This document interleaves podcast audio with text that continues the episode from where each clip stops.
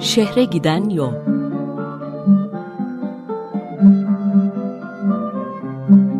Bir İstanbul programı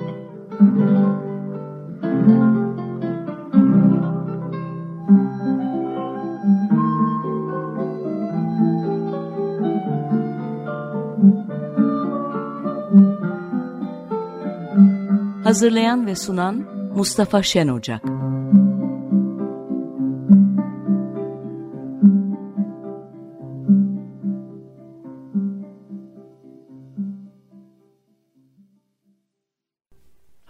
Günaydın. Açık Radyo'nun bu yeni yayın döneminde ben Mustafa Şen Ocak, Şehre Giden Yol adlı programla sizlerle birlikte olacağım. Oldukça da uzun bir süre beraber olacak gibi gözüküyor. Şehre giden yol tamamen İstanbul'la ilgili bir program. Bunun içinde tabii ki bir e, şehircilik tarihi ya da mimarlık tarihi ya da en azından sanat tarihi biçiminde olmadan kentimizin özellikleri, gelişimine ait bir takım bilgiler vermenin yanı sıra bir takım alt bölümlerde düşündüm. Bu bölümlerden bir tanesi bazı semtleri tek tek ele almak, bir diğeri çeşitli yazarların kentimizle ilgili ilginç anılarını ya da düşüncelerini yansıttıkları e, yapıtları size sunmak. Bir diğeri de ağırlıklı olarak e, Reşat Ekrem Koçu hocanın e, rahmetli ansiklopedisinden son derece ilginç İstanbul notlarını, kişiliklerini, kimliklerini, cinayetlerini size e, sunmak. Bu tür bir şeyi neden yaptığımı, neden yapmayı düşündüğümü ise şimdi açıklayayım. Şimdi şehirlerin ortaya çıkmasıyla ilgili düşünürsek bu insanların toplu yaşamaya olan gereksinimler hatta zorunlulukları sonunda yerleşimleri ortaya çıkartıyor. Bunların yerinin belirlenmesinde de pek çok etken rol oynuyor. İşte stratejik konumda olacak, çeşitli yollarla erişim uygunluğu olacak, savunmaya yatkın olacak, topografya aynı zamanda üretimsel kolaylıklar sunacak vesaire.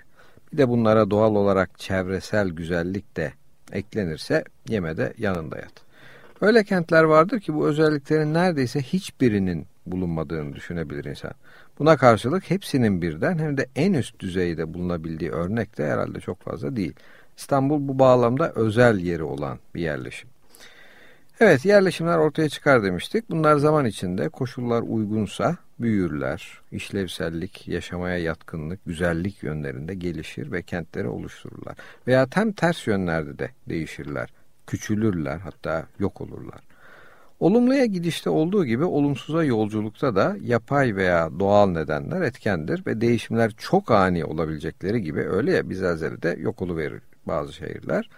Bazen birbirini izleyen 2-3 kuşağın bile ayrımsayamayacağı kadar yavaş olabilir. Geçenlerde Türkiye'de yerleşik bir e, İtalyan yazarın küçük bir anısını okudumdu. Yaklaşık 2-3 ayda bir kentine Milano'ya gittiğini söylüyordu. E, ve Milano ona son derece sıkıcı, son derece tek düze geliyordu. Çünkü oturduğu sokak 300 seneden beri değişmemiş.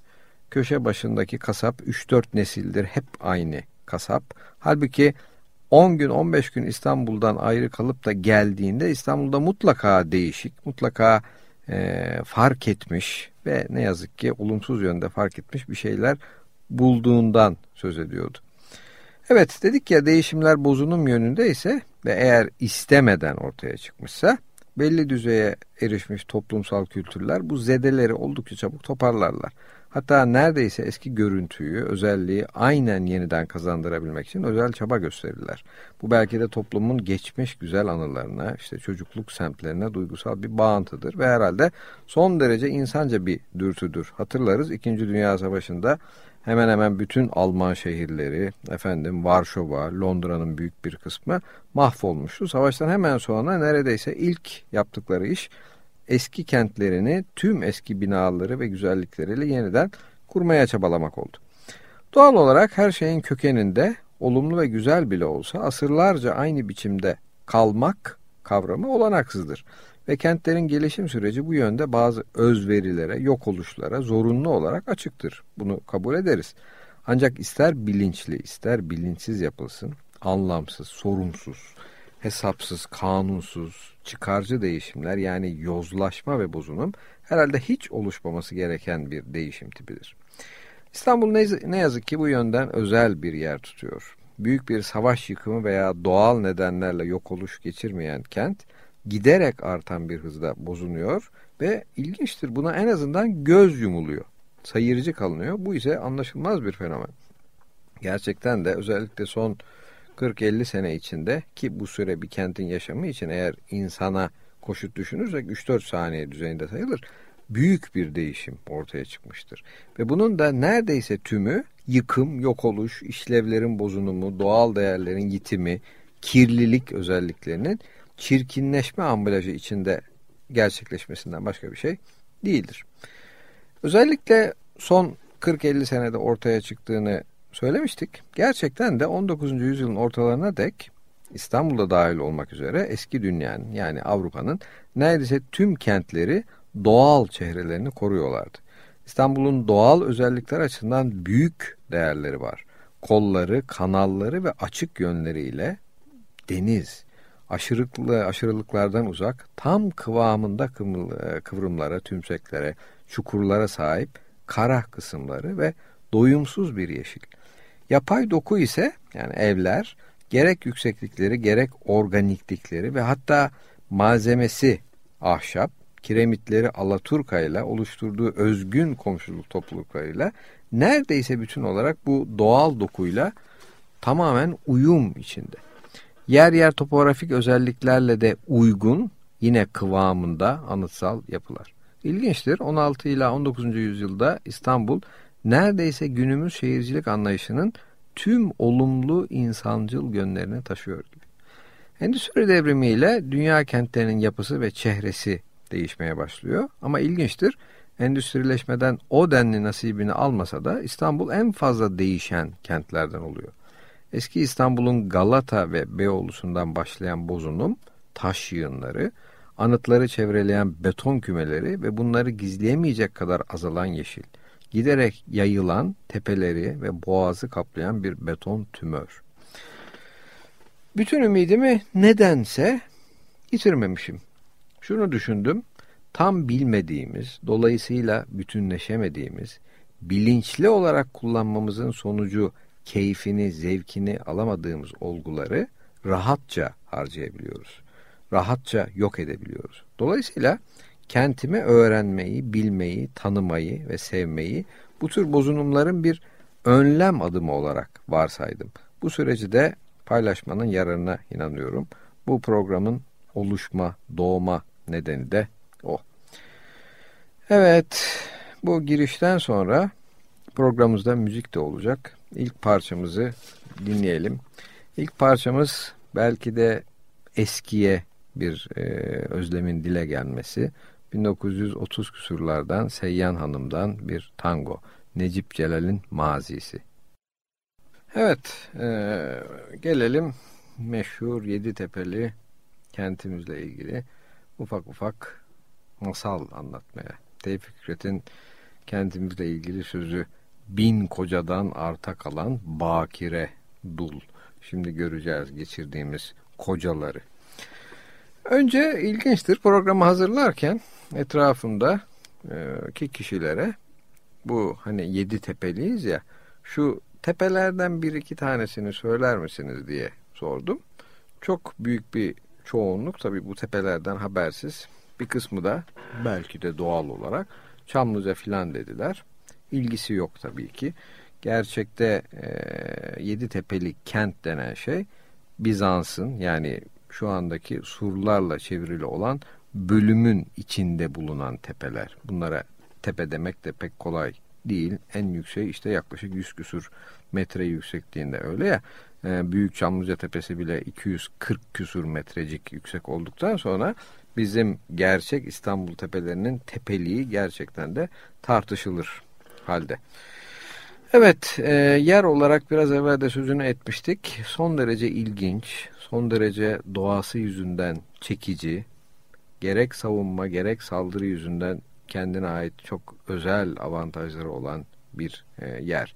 Ha, ama göreceğiz ki bu avantajlar bazen dezavantaja da dönüyor. Yani Trakya'dan Anadolu'ya geçen, Anadolu'dan Trakya'ya geçen herkes iyi kötü İstanbul'un üstünden bir geçip gitmiş. Böylece bin koca listesi de kendiliğinden ortaya çıkmış. Tarihçeye çok hafif ve çok da dokümanter olmadan göz atarsak İstanbul civarında yaklaşık milattan önce 4000 yıllarında bile bugünkü Fikirtepe civarında bazı avcı balıkçı kulübeleri olduğu söyleniyor. Buna ait kalıntılar gözlenmiş. Milattan önce 1000 yıllarında Traklar, Frigler Boğaz civarına erişmişler. Ufak tefek özellikle de Kadıköy civarında bir artık köy bile denemeyecek küçük yerleşimler kurmuşlar. Hatta efsaneye göre Traklar Yarımada'nın ucunda yani bugünkü işte e, Sultanahmet Sarayburnu civarında Ligos adında bir kent kurmuşlar. Ama bunların hepsi söylenceden e, öteye gitmiyor. Gerçek anlamda üzerinde nesnel buluntuların olduğu gerçek kurucular Megaralılar. Megara Atina'nın batısında bir Yunan kent devleti. Sakinleri de balıkçılık ve ticaretle geçiniyorlar. Böyle uzak yerlere de gidiyorlar. Orada ticari gereksinimleri için uygun yerlerde koloniler kuruyorlar.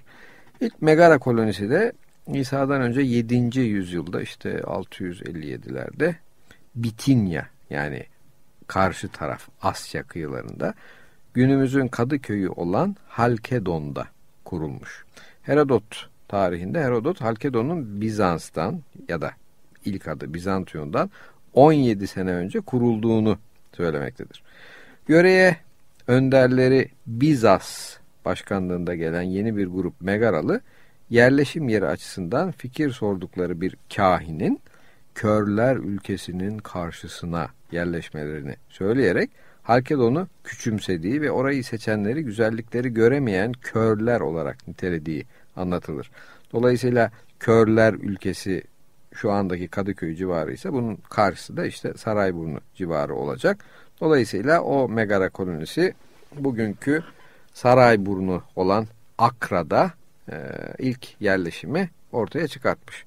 Ha, başka söylentiler de var. E, bir takım yerleşmelerin de bugünkü Karaköy ya da Galata dediğimiz yörede e, bulunduğunu ki oranın adı zamanında incirlik manasına gelen Sikae, efendime söyleyeyim Hrisopolis'te günümüzün Üsküdar'ında ve hatta e, Kağıthane'nin Halic'in en sonlarında da bir yerleşim olduğundan söz ediliyor ama bunlar hakkında çok çok çok e, nesnel veriler yok.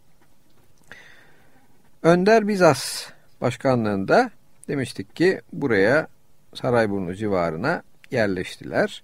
Küçük bir kent ama hemen surlarını yaptılar. Yerleşimin merkezinde yani Akropolis alanında işte Zeus'un, Apollo'nun, Poseidon'un, Artemis'in vesairenin adına tapınaklar inşa ettiler. Ve günümüzün Topkapı civarı olarak düşünülebilecek e, yerde de belli başlı binalarını e, kurdular. Biraz daha Marmara'ya doğru yani Topkapı Sarayı'nın Marmara'ya bakan tarafında bir agora yani buluşma meydanının bulunduğu varsayılıyor. Ee, daha Sirkeci'ye doğru da askeri bir merkez stratejiyon bulunuyor. İlk surlarda bu alanları çevreliyor. Başka bir deyişle Sultanahmet Cami düzeyinden Marmara'ya doğru inersek surlar burada açık Marmara denizlerine doğru inmiyorlar farkındaysanız sanki Kadıköy'e doğru iniyorlar karşılarında Kadıköy var. Diğeri de e, Karaköy karşısına doğru Eminönü Sirkeci civarına doğru iniyor. Hatta günümüzün Eminönü ve Sirkecisi iki tane önemli liman barındırıyor o zaman için. Bunların adı da Neoryon ve Bosforyon. Şimdi bunların yerinin nerede olabileceğini düşünmek çok boşa bir çaba. Çünkü pek çok kıyı İstanbul'da dolmuş ya da doldurulmuş halde bunlara ait ayrıntıları da çok çok e, ileri gitmeden hafif hafif vereceğiz. Böylece Megaralı Bizans, Bizas e, İstanbul'un ilk yerleşimini, ilk surlarını inşa ediyor. Ondan sonra üzerinden de Tevfik Fikret'in dediği gibi bir yığın koca değişimi başlıyor. Hem Bizans hem Bizantiyon hem Halkedon yani Kadıköy izleyen yıllarda önce Darius'un sonra Spartalı Posanyas'ın eline geçiyor ve bazı özgürlük dönemleri hariç M.Ö. 340'a kadar da Spartalıların egemenliğinde kalıyor. Ondan sonraki yıllar Makedonyalılar, Bitinyalılar, Galatlar zaman zaman buraları ellerine geçiriyorlar. İlginçtir.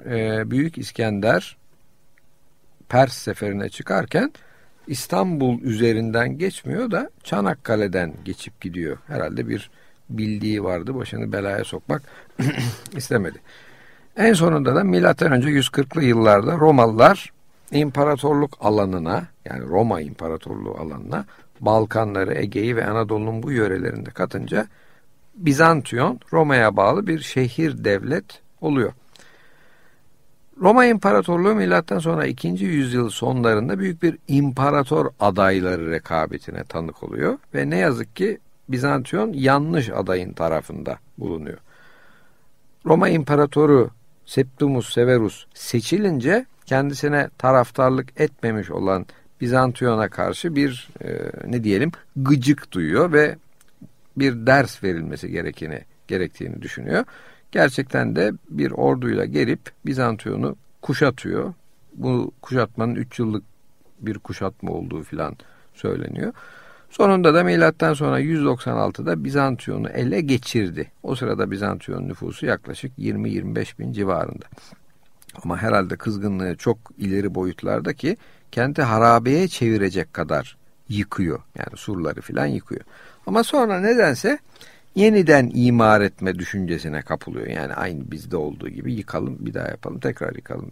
Yani o zamandan kalma bir genetik bozukluk diyelim bu topraklara o zaman yerleşmiş. Hatta e, Septimus Severus'un oğlu daha sonra imparator olacak Antoninos Karkallas özellikle kentin imarı ve gelişimi için hem babasına çok yalvarıyor hem de katkıda da bulunuyor. Hatta Septimus Severus'tan sonra şehrin adı ikinci bir isim olarak Antoninia olarak anılıyor. Böylece ilk önce Bizantiyon sonra Antoninia olarak gelişim başlıyor. Şimdi bu gelişimlerin tam yerlerine ait hemen hemen hiçbir şey net bilinmiyor ve hemen hemen fazla da bir şey kalmış değil. Gerçekten elimizde bulunan e, şeyler bu Bizantiyon'un ilk dönemlerinden sonra karşımıza çıkacak olan e, kalıntılar.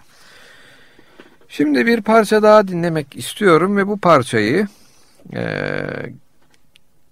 kentin olduğu yere ilk gelmiş olan Yunan kökenli e, kavimlerin anısına Manos Hacıdakis'ten dinlemek istiyorum.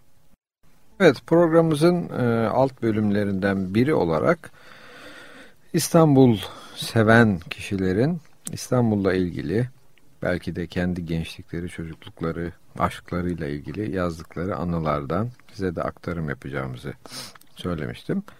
Bugün e, İslam Çupi'nin Hey Gidi İstanbul adlı kitabından Bomonti adlı parçayı okuyacağım. İslam Çupi'nin bu e, yazıları 1993-94 yıllarında bir gazetede yayınlanmış. Sonra kitap haline getirmiş. Bunu şunun için söylüyorum. Şimdi yazıdaki geçen e, söylemler 1994 yılına ait söylemler. Dolayısıyla şimdi bunlardan pek çoğu yine değişmiş olabilir. Çok fazla yadırgamayalım. Bomonti, Hitler'in Türkiye tarihsel ekonomisinin uzantısına bakılmaksızın üstlerine bir satılıktır etiketinin konulmasından sonra benim delikanlığımın Bomonti bira fabrikasının bahçesi hangi beton yayılmacılığının altında can verdi acaba? 1950'lerin İstanbul'unda Taksim Meydanı bir Beyoğlu simgesi haline getiren İstiklal Savaşı anıtının ötesi yani Harbiye yani Osman Bey yani Şişli bugünlerde olduğu gibi ne kıç kıça bir yüksek bina yığınağıydı ne de benzinci benzinli araçların birbirlerine sürünerek hareket ettikleri bir lastikler cambasanesi. Sheraton, Divan, Ünver ve Hilton otelleri henüz gökyüzünü rahatsız edecek şekilde yukarıya doğru tuğlalarını koymamış, ordu evi Babil Kulesi'ne benzeyen gökdelenini bir bulut savar işleviyle dikmemişti Harbiye'ye.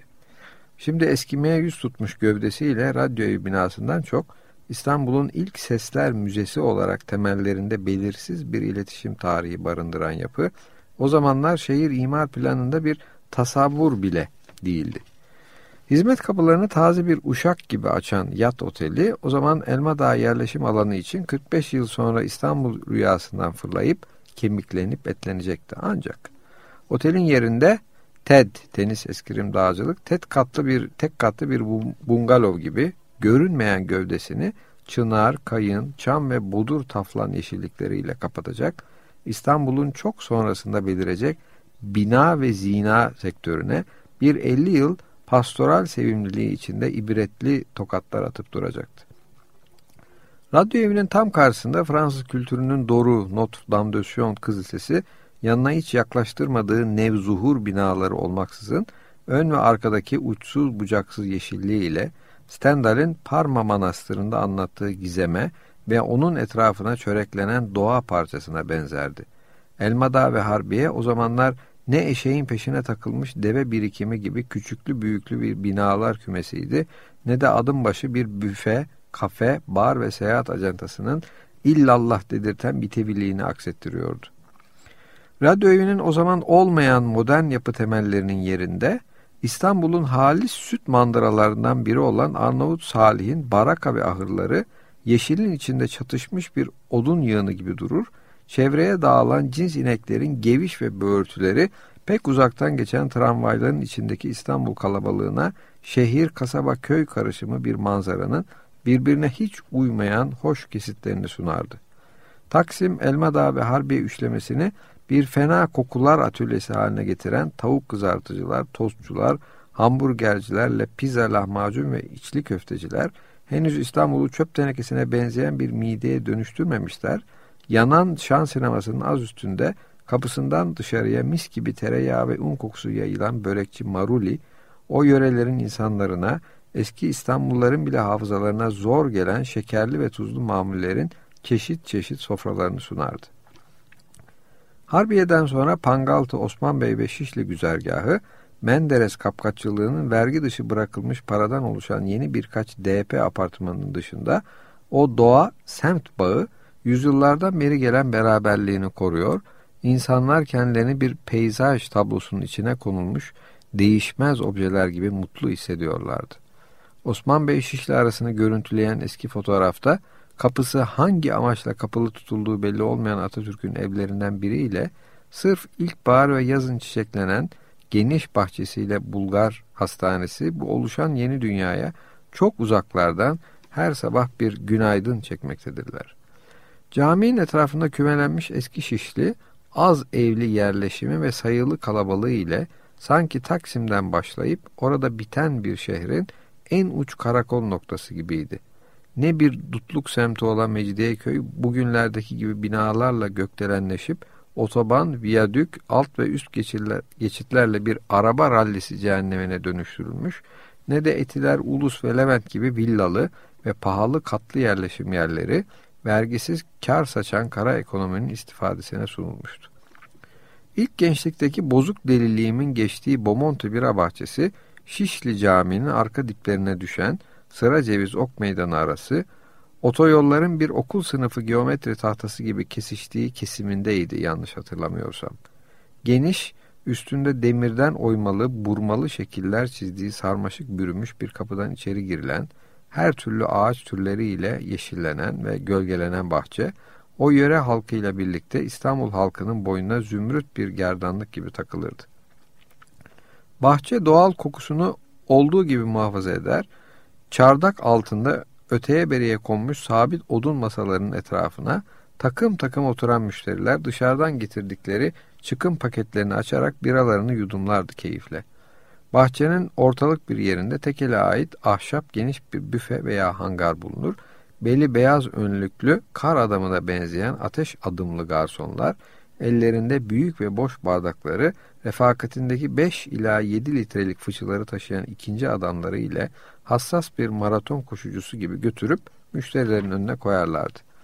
Fıçılardaki normal ve siyah biranın dev bardaklardan içime küçücük yudumlarla inmesi benim durağan gençliğimi depre, depremler, aynı yaştaki İstanbul'la kol kola girerdim adeta. Pangaltı'dan Feriköy Kurtuluş ve Şişli'den ebeveynleriyle gelen azınlık kızları ile hazımlı bir İstanbul koalisyonu kurar, herkesin birbirini gördüğü beton pistte notaları pek acemi çıkan bir orkestrayla dans ederdik. İlk aşk denilen iki vücudun şaha kalkışı, kulağa fısıldanan tecrübeden geçmemiş bir iki titrek cümle, arkadaşlık konusunda yavaş yavaş birbirini kavramaya çalışan eller, Bomonti bahçesinde başlayıp biten kısa metrajlı filmler gibi geceler boyu oynar dururdu rüyalarımda. Pazarları bazen ellerindeki mandolin ve akordiyonları ile Kuleli Askeri Lisesi öğrencileri düşerdi bahçeye. Gelme kuleli arkamdan, annem bakıyor balkondan, korkmam senin formandan. Sözlü militarist sangolar, azınlık kızların hangi tarafını gıdıkladığını hiç kestirmeden bir teviye uzardı bahçe yüz ölçümünde. Madame Tasula genç, diri bir duldu o zamanlar. Taftadan fırlak kalçası, Japonesinden kolları su kabağı gibi dünyaya çıkan, bol rujlu dudakları, dişleri arasında tuttuğu kırmızı uçlu gelincik sigarasıyla hoş bir kadındı. Galiba. Okul kitapları gençliğimin muzipliğinle beni tek başına yaşadığı Kanada'ya götürmek isterdi hep. Her ihtiyacı Madame Tasula tarafından karşılanan bir aşık olacaktım anlayacağınız. Rahmetli Arnavut güzeli annem durumu çakıp Bomonti bahçesine bir şimşir sırrı ile gelince o dünyamda istimlak oldu sonunda. 23 Ekim 1994'te yazmış İslam Çupi. İslam Çupi'nin ilginç kaleminden başka anılarını da okuyacağız. Şimdi bugün size bir semt olarak Tatavla'dan yani günümüz kurtuluşundan bahsetmeye başlayacağım. Tatavla'ya ait bilgileri de Orhan Türker'in Osmanlı İstanbul'undan bir köşe Tatavla Sel Yayıncılık adlı kitabından aktaracağım. Oldukça ilginç. Ee, neden ilginç olduğunu zaten bir kısmınız belki e, bu konuda fikir sahibidir. Diğerleri de yazı ilerledikçe anlayacaksınız. Tatavlad'ın yeri. Tatavla ya da bugünkü adıyla Kurtuluş semti kabaca Kasımpaşa, Yenişehir, Dolapdere, Sinemköy, Feriköy, Cin Deresi ve mezarlıklarla çevrili bir İstanbul köşesidir. Semt İstanbul'un Beyoğlu yakasındaki yüksek tepelerden birinin üzerinde ve eteklerine yayılmıştır. Başka bir deyişle Taksim Tepesi ile Ok Meydanı Tepesi arasında ve her ikisinden derin birer vadi ile ayrılan bir tepedir. Cumhuriyet döneminde İstanbul'un idari bölünmesi yeniden düzenlenirken burası Taksim ilçesinin Beyoğlu ve Şişli nahiyeleri arasında ikiye bölünmüştür. 1954 yılında Şişli bağımsız bir ilçe olunca bu defa da ağırlığı Beyoğlu ilçesinde olmak üzere Beyoğlu ve Şişli ilçelerinin sınırları içinde kalmıştır. 1927 yılında Cumhuriyet döneminin ilk nüfus sayımı yapılmadan önce çıkarılan 1003 sayılı kanunla İstanbul'daki tüm sokak, cadde ve meydanlara Türkçe kökenli yeni isimler verilmiştir. Bu nedenle Tatavla'da daha önce mevcut olan Rumca kökenli sokak isimleri değiştirilmiştir. Ernst Mambore'nin 1925 tarihli İstanbul rehberindeki şehir planında semtin ismi hala Tatavla olarak görülmektedir. 1929 yılında meydana gelen büyük yangından sonra semtin ismi de değiştirilmiş ve bugün kullanılmakta olan Kurtuluş adını almıştır. İstanbul Belediyesi'nin 34 yılında bastırdığı şehir rehberinde semtin adı Kurtuluş ve tüm sokak isimleri Türkçedir. Bu sanki isimlerin Türkçe olması şu anda e, Orhan Türker'di ben konuşuyorum. E, özel bir şeymiş gibi bunun açıklamasına geçiyor Türker. Tatavla Osmanlı İstanbul'una serpiştirilmiş pek çok sayıdaki renkli yerleşim birimi arasında diğerlerinden hiçbirisinde görülmeyen bir özelliğe sahipti. İstanbul'un birçok yerinde 1960'ların ortalarına kadar Rum karakteri görülmekle birlikte hiçbiri burası kadar katıksız Rum olmamıştır. Diğer birçok semtte Rumlar Türk, Ermeni, Musevi ve Franklerle karışık olarak yaşamışlardır. 19. yüzyılın ortalarına kadar çok fakir bir Rum işçi mahallesi olan Tatavla, bu tarihlerden sonra 20. yüzyılın ilk çeyreğine kadar İstanbul'da Pera'dan sonra en kalabalık ve zengin Rum topluluğunu barındırmıştır. Gülhane hattı Hümayun'dan sonra Tatavla Osmanlı İmparatorluğu'nun yönetim merkezi olan Dolmabahçe, Çırağan ve Yıldız Saraylarından sadece birkaç kilometre ötede şarkın mistik havası ile Pera'daki Frank yaşantısının karışımı bir kültüre sahip, neredeyse otonom ya da yarı bağımsız denilebilecek kadar özgür, nüfusu 20 bine yaklaşan canlı bir Rum kasabası görüntüsü vermektedir. Kiliseleri, ayazmaları, okulları, meyhaneleri, bağ ve bahçeleriyle tam bir Rum gettosudur. Tatavla olarak isimlendirilen tepe, Beyoğlu'nun kuzeybatısıyla Kasımpaşa'nın kuzeyinde yer alır. Tatavla kelimesinin kökeni Rumca stavli, tatavla yani ahır, ahırlar kelimesinden gelir. Bir başka yazara göre ise Tatarca kökenli Türkçe bir kelime olan tavla kelimesi varlıklı kişilerin çok sayıda atlarının bulunduğu alan anlamına kullanılmıştır. Türkçe at tavlası kelimesi zaman içinde Rumlaşarak ta at tavla veya tatavla şeklinde söylenir olmuştur. İstanbul'un Türkler tarafından fethinden önce boş olan alanda Bizanslılar döneminde Galata'ya yerleşmiş olan Cenevizlerin ahır ve kuyuların olduğu sanılmaktadır. Fetihten hemen sonra da Tatavla'dan Kağıthane'ye kadar uzanan geniş ve boş olan padişah atlarına otlak olarak seçilmiştir. Daha sonra da oluşan semtin Tatavla adını almış olması yukarıki nedenlere dayandırılmaktadır. İstanbul'un fethinden sonra buraya yerleşim Kanuni Sultan Süleyman devrinde tahminen 1530'larda başlamıştır. Kanuni zamanında Ege adalarının büyük bir kısmının Osmanlılar tarafından alınmasından sonra Osmanlı donanması Venediklilerle ve Ege'deki korsanlarla karşı karşıya kalmasından dolayı gücünü arttırmak ve her sene sefere çıkmak zorunda kalmıştır. Seferden dönen Osmanlı donanması çoğu Rum kökenli olan korsanlardan yakalanıp esir alınanları da beraberinde İstanbul'a getirirdi. Bu esirler gemicilikten iyi anladıkları için önemi gün geçtikçe artan Kasımpaşa tersanesinde çalışmaya gönderilir olmuşlardır. Tersanedeki per, pek çok iş için hünerlerine ihtiyaç duyulan bu esirler itimat kazandıktan sonra azat edilir ve özgürce yaşamalarına izin verilirdi. Zamanla bu kişilerin Müslüman Kasımpaşa'nın az ilerisine o zamana kadar baş olan Tatavla'ya yerleşmeleri doğal bir zorunluluk ve sonuç olmaktadır.